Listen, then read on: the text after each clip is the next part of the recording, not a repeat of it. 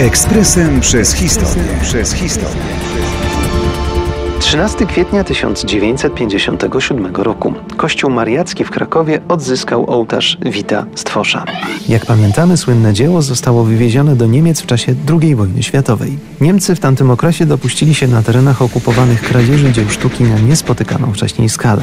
Do dziś trwają próby odnalezienia bądź odzyskania tego, co wówczas ukradli. Wiele skarbów europejskiej kultury przepadło na zawsze. Niewiele brakowało, a z legendarnym ołtarzem Wita Stwosza stałoby się podobnie. Kiedy wybuchła II wojna światowa, profesor Karol Streicher, znakomity historyk sztuki, zaangażował się w próbę ocalenia dzieła przed niemieckimi barbarzyńcami w mundurach. Zdemontował figury i w wielkiej tajemnicy zostały one spławione barkami Wisłą do Sandomierza.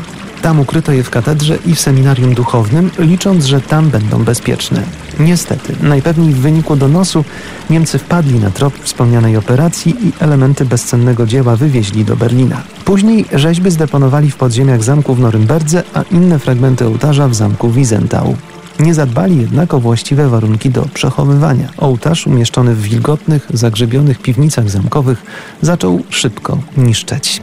Profesor Streicher, któremu udało się przeżyć wojnę, wytrwale szukał ołtarza i przy pomocy amerykańskich wojskowych odnalazł go.